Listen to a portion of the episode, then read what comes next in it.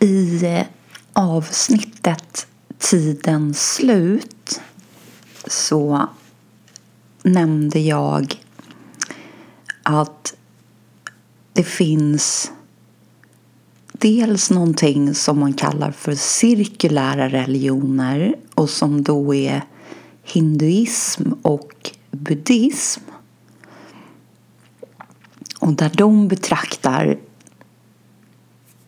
tiden som ett evigt kretslopp som ibland brukar kallas för samsara eller just det eviga kretsloppet. Eller Maya. Och sen så finns det även någonting som brukar benämnas som linjära religioner och det är då kristendomen, judendomen och islam. Och deras sätt att betrakta tiden är mer som ett linjärt tidsförlopp.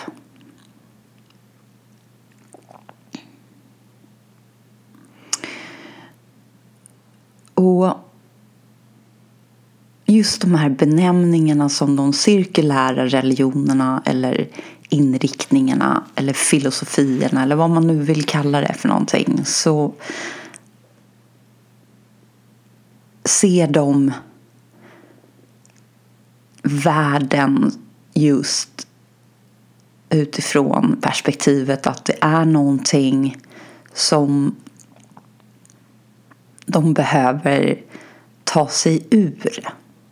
Det är någonting som upprepas gång på gång på gång tills dess att de lyckas ta sig ur det. Och det, just det här att ta sig ur det är då den slutgiltiga strävan inom buddhismen där man ser nirvana, det slutgiltiga utslocknandet lite grann som utslocknandet av det här eviga kretsloppet. Och på samma sätt en hindu till slut ser också det slutgiltiga som att de på något sätt tar sig ur samsara.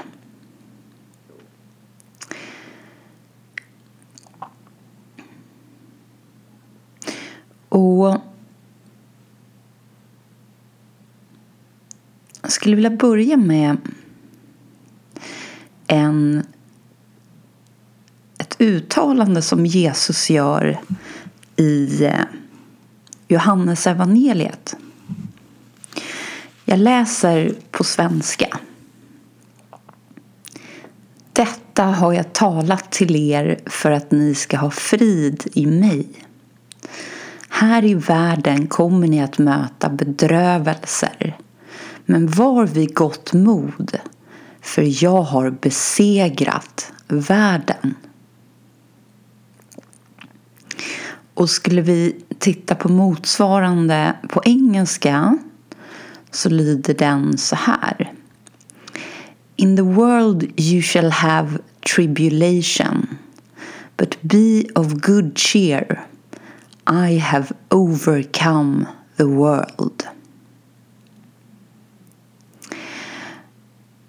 Så på något sätt här så till att börja med konstaterar Jesus att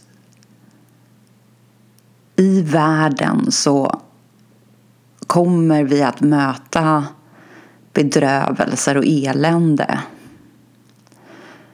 Ja, helt enkelt lidande i olika former. Men sen säger han då var vid gott mod eller be of good cheer.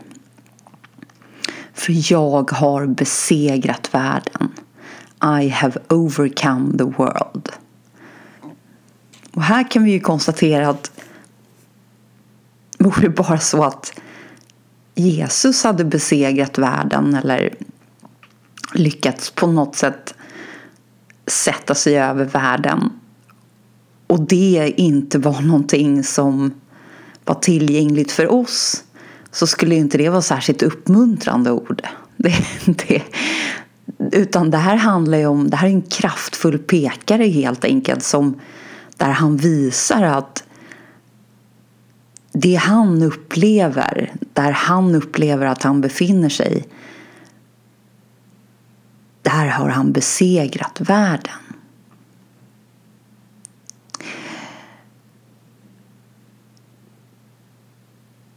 Så här skulle jag säga precis på samma sätt som en hindu eller en buddhist ser det slutgiltiga det, det som de på något sätt till slut strävar emot. Det handlar om att ta sig ut, att vakna ur illusionen, ur Maja, Att på något sätt slippa ut ur samsara. Och på samma sätt pekar Jesus här mot samma sanning när han säger att han har övervunnit världen.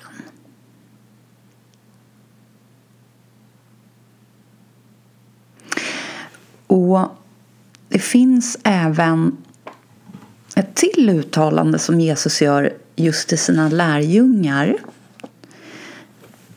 i Johannes evangeliet kapitel 15. Jag läser. Om ni vore av världen då skulle världen älska er som sina egna. Men ni är inte av världen utan jag har utvalt er och tagit er ut ur världen. Därför hatar världen er. Och just det här första som man säger att om ni skulle vara av världen så skulle världen älska er som sina egna. Men ni är inte av världen utan jag har utvalt er och tagit er ut ur världen och därför hatar världen er. Så just det här att världen inte längre tycker om lärjungarna det är lite grann kopplat till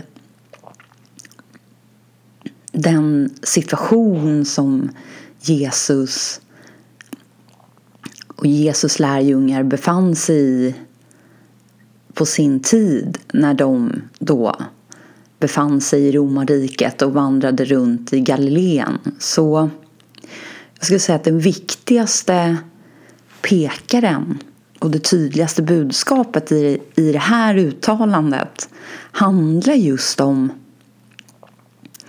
ni är inte av världen utan jag har utvalt er och tagit er ut ur världen. Och utvalt är ju just då att han syftar på sina lärjungar. Men det viktiga i det här, den viktiga pekaren är ju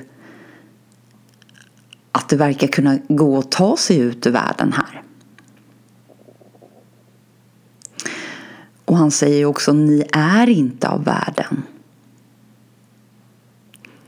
Och jag har tagit er ut ur världen.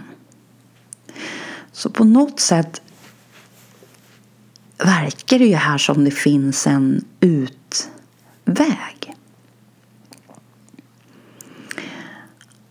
Och om vi ser till de cirkulära religionerna till att börja med och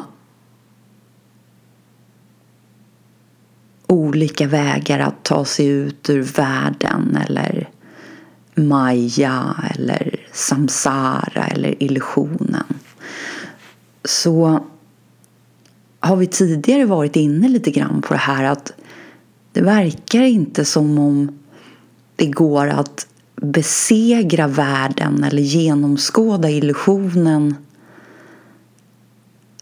så länge som vi är identifierade i världen eller identifierade som en del av illusionen. Det krävs någonting annat.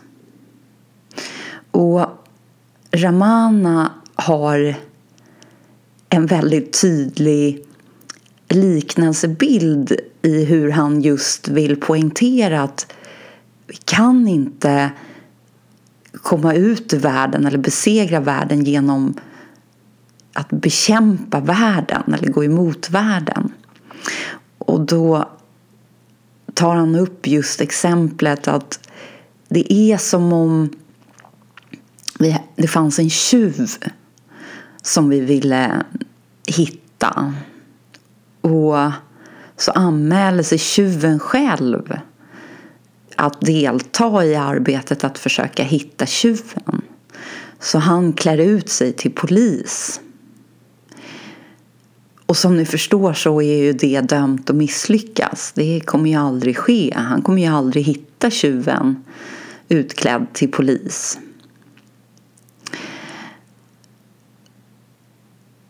Och återigen den här liknelsen där mannen, Jesus liknelse från Thomas evangeliet där mannen som ville besegra en stor man valde att stanna hemma istället för att gå ut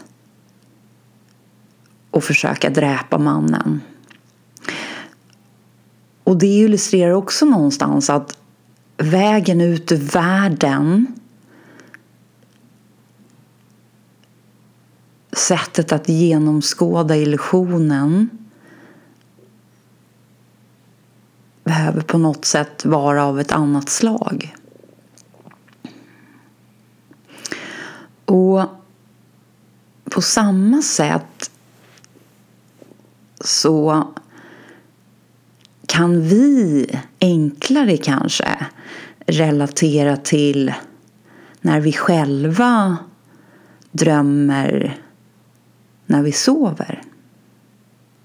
Alla har vi varit med om att vi har drömt någon gång eller många gånger när vi har sovit.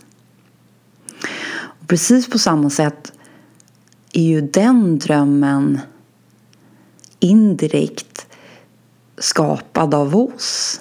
Alla drömkaraktärer, alla drömvärldar, alla drömhändelser är ju på något sätt en projektion som vi själva skapar.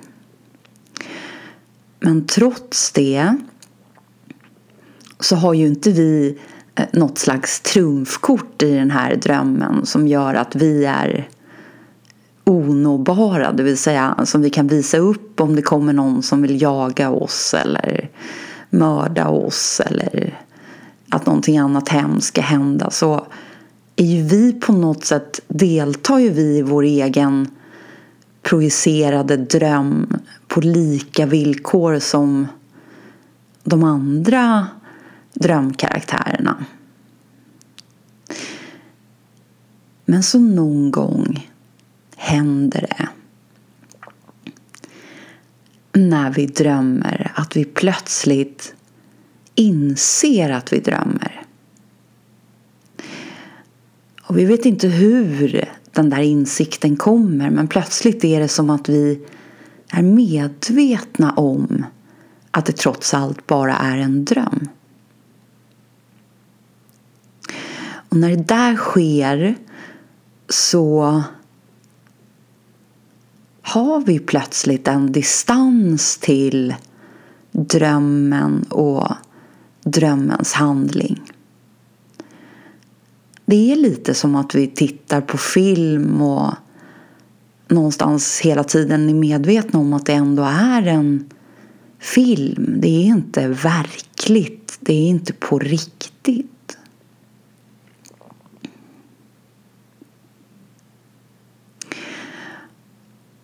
Och såklart det som gör att drömmen försvinner helt och hållet är ju när vi upplever att vi vaknar till det så kallade vakna tillståndet. I samma sekund som vi gör det så är ju drömmen som bortblåst.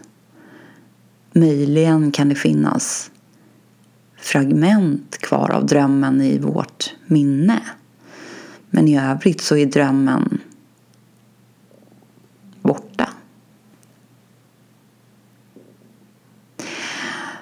Och det här är ju som en ledtråd. Därför att på samma sätt så krävs det djupare insikt om världen, om drömmen, om Maja, om illusionen. Som handlar om att vi genom att anta vår inre position i form av bevittnande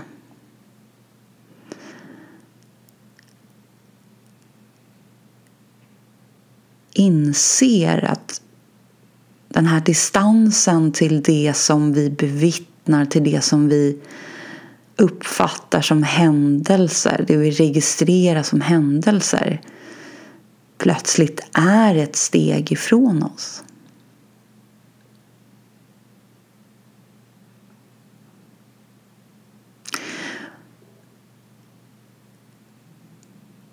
Och sen en tydlig väg ut ur drömmen eller illusionen som Ramana förespråkade.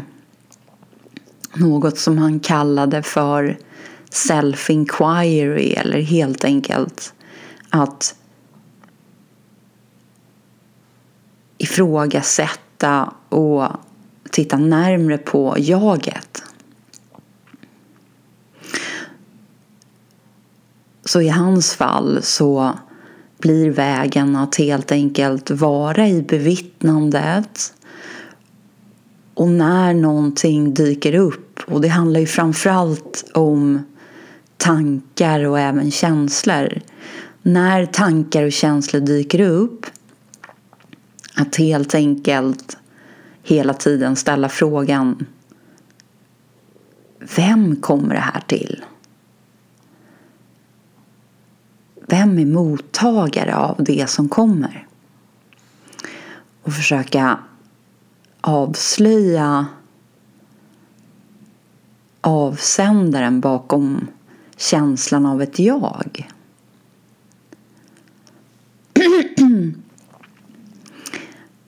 Och han menar på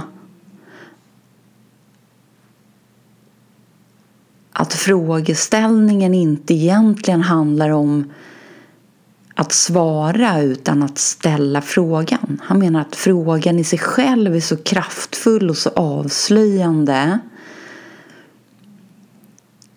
så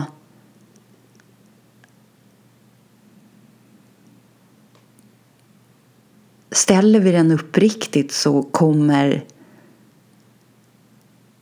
insikterna att komma som direkta svar inom oss.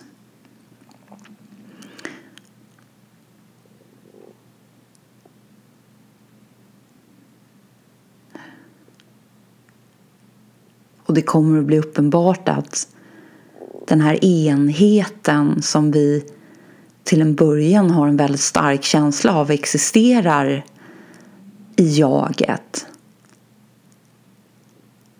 egentligen inte gör det.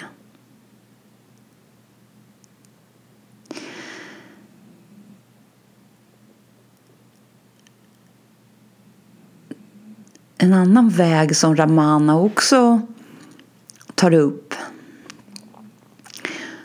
är det vi också har pratat lite om tidigare, att det här med surrender.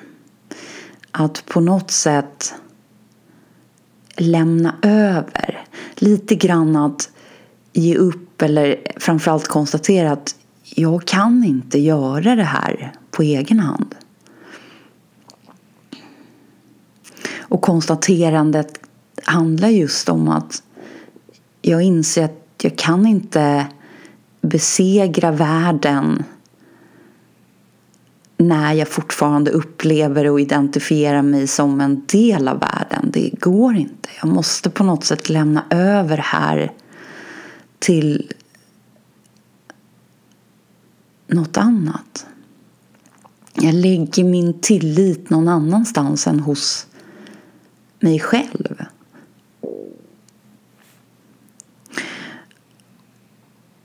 Och för att, för att det verkligen ska vara ett uppriktigt överlämnande så menar man också på att det måste vara en, verkligen en stark känsla av urgency, alltså av att det här är det här är min viktigaste prioritering just nu. Det här är det, det som jag strävar efter. Det är verkligen det högsta för mig.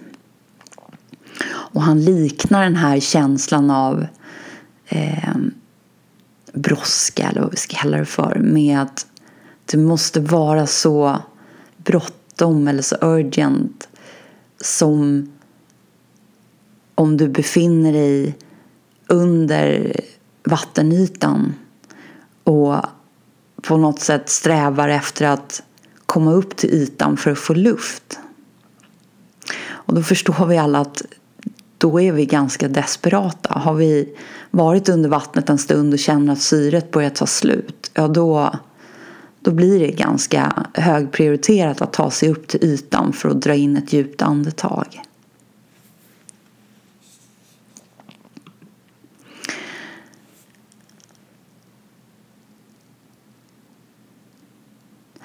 Om vi ser till Jesus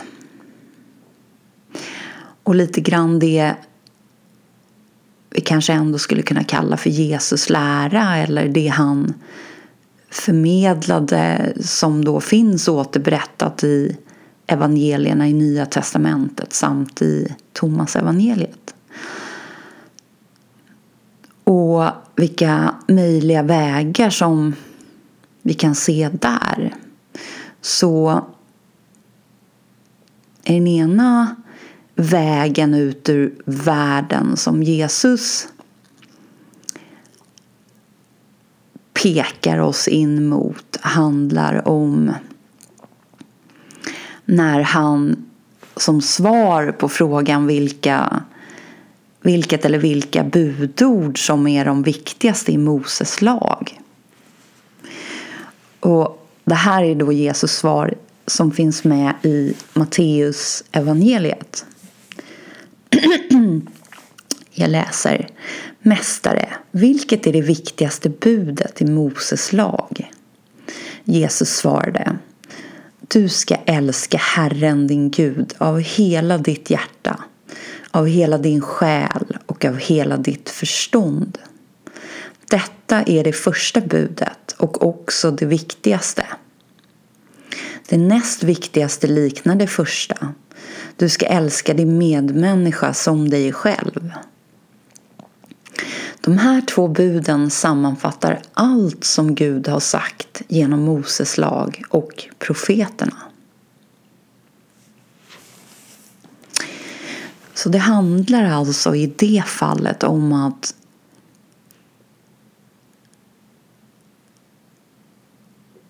hela vårt väsen, allt det som vi känner till med vårt väsen, alltså. Vårt hjärta, vårt medvetande och vår själ. Hela, hela det som vi på något sätt är och tror oss vara. Ska vi rikta kärleksfullt mot Gud, källan,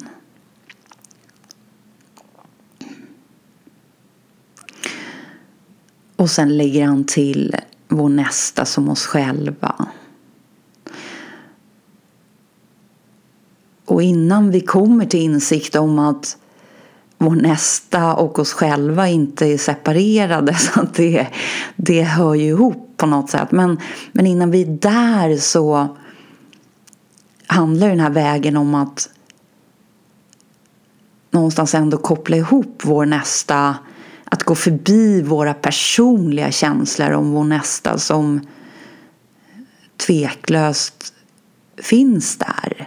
Och de är inte alltid bara kärleksfulla. Det kommer andra tankar och andra känslor upp i synnerhet kring vissa nästa. Men på något sätt på ett djupare plan ändå känna och se att det finns någon slags avsändare från källan eller sanningen i att de kommer till oss.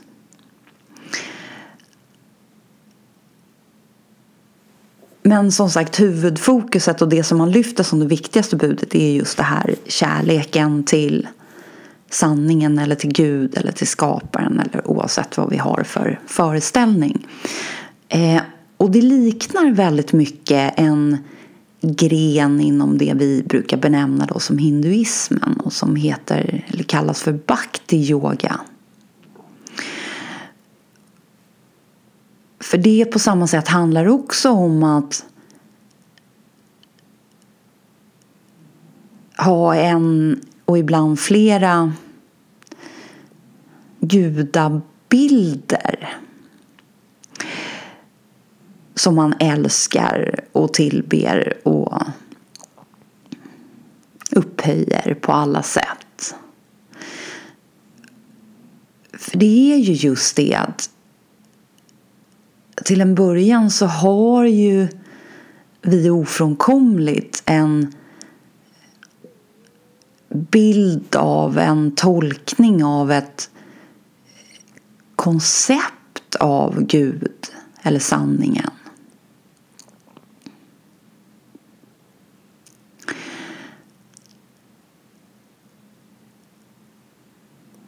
Och det är ju framförallt den här bilden, den här tolkningen, det här konceptet som vi till att börja med älskar med hela vårt väsen. Och precis på samma sätt som ordet persona som kommer från grekiskan egentligen betyder mask. Så person eller persona avser egentligen en mask som man satte på sig vid skådespel. Så när man skulle gå in i sin rollkaraktär så satte man på sig en mask och så blev man, eller gick man då därmed in i en, en annan eller en rollkaraktär. Så på samma sätt här handlar det ju till slut om att till en början finns den där masken där, det där konceptet eller bilden eller tolkningen där i vår tillbedjan. Men till sist så behöver vi också lämna eller ge upp den. Och det finns ett en vittnes ett bevittnande eller ett slags, en slags vittnesmål kan vi kalla det för av just det här. Och det är då pappa G som var vi kan kalla honom för lärjunge kanske men han såg då Ramana Maharshi som sin guru eller sin mästare. Och ända sedan han var liten, han växte upp i en miljö där hans föräldrar tillhörde just bhakti och bhakti-yoga. Så han var välbekant med, med den formen av tillbedjan och också den vägen. Den grenen. Eh, och han, ända sedan han var liten så uppenbarade sig guden Krishna för honom. Och det var i alla möjliga situationer. Dels såklart om han upplevde någonting jobbigt men även så var verkligen Krishna hans bästa vän. Så Krishna var motsvarande en låtsaskompis för honom men han var ju väl införstådd med vem Krishna var. Och det här fortsatte även högre upp i ålder. Och efter att han hade träffat Ramana eh, så försvann det här successivt. Så Krishna uppenbarade sig inte längre för honom. Och när han frågade Raman om, om varför Krishna inte längre var där så svarade Ramana någonting i stil med att det behövs inte längre. Därför att när du kommer till insikt om vem du är och också sanningen så handlar det om att lämna också objektifieringen. Det handlar om att lämna Gud eller sanningen som något ting. Så den slutgiltiga kärleken handlar om att älska ett ingenting, ett icke-objekt. Och därför måste formen, därför måste konceptet, därför måste de här bilderna till slut upplösas och försvinna. För de hindrar oss lite grann ifrån att nå fram hela vägen till målet. Även om det inte är någon sträcka vi ska gå. Men, men för att vi riktigt ska kunna täcka av sanningen så behöver vi till slut även lämna dem.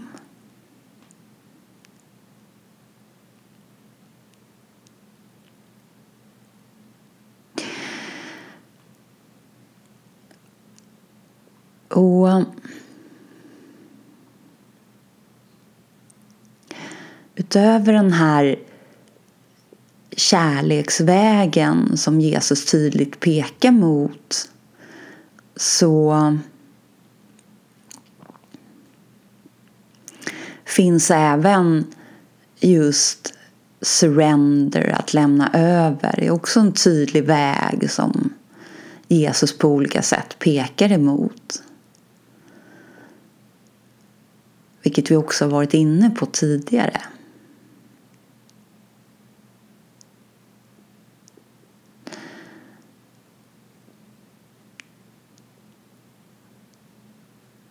Och det han också tydligt pekar oss till är att just inse att så länge vi är och anser oss vara separerade enheter i världen så kan vi inte riktigt lyckas. Vi behöver på något sätt vakna till en högre sanning om vi får kalla det för det. Så just också det här begreppet att vakna eller vara vaken som enlightenment också egentligen betyder. Det, det handlar väldigt mycket om att skifta sitt perspektiv. Att, att gå från att se sig själv som någonting och se världen som någonting annat skifta perspektivet till att inse att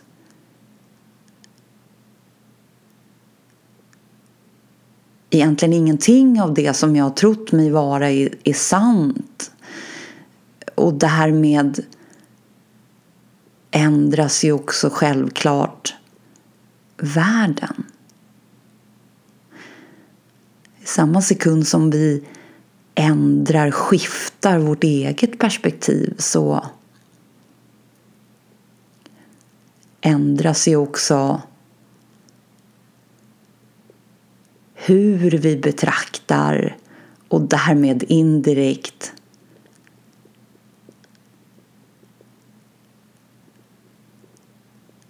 det som betraktas.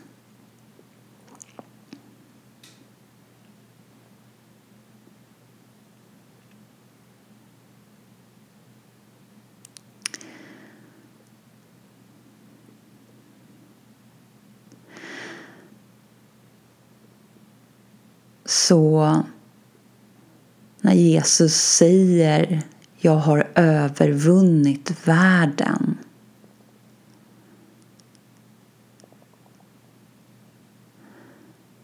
Så handlar det väldigt mycket om det som den här japanska senseien uttryckte också filosofiskt att den verkliga segraren vinner hemma eller vinner innan striden.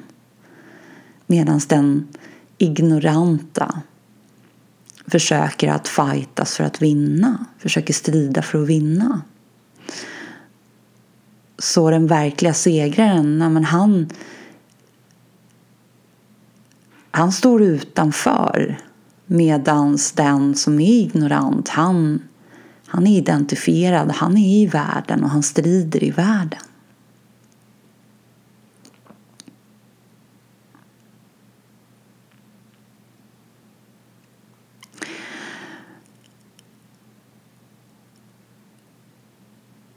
Och precis på samma sätt som Ramana och hans väg self-inquiry, alltså att ifrågasätta jaget och känslan av jag och titta närmre på jaget så var ju precis det den frågeställningen egentligen som Buddha borrade djupare i också som fick honom att lämna sitt, sin trygga hemmiljö och sin,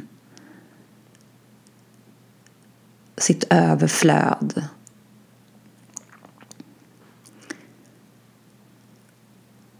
Och också den vägen finns ju tydligt med hos Jesus.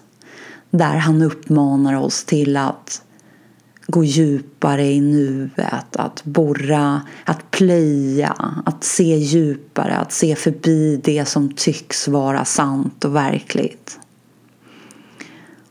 Och att himmelriket finns i vårt centrum. Så att det har att göra med oss själva och vår sanna essens eller vår sanna natur. Att sanningen och vi, det finns en väldigt tydlig koppling där.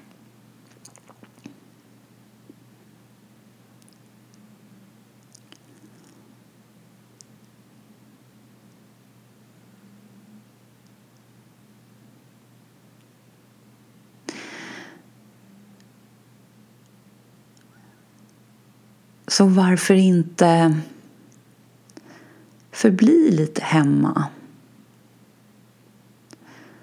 Uppehåll er uppmärksamhet hemma.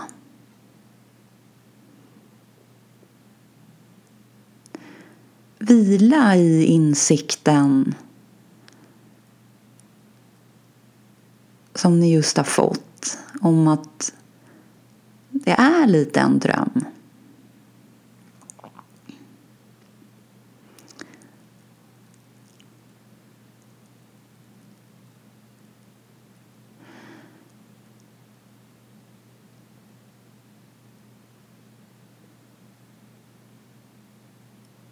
Och se efter utan att vänta eller förvänta er någonting. Bara vila där och helt enkelt bevittna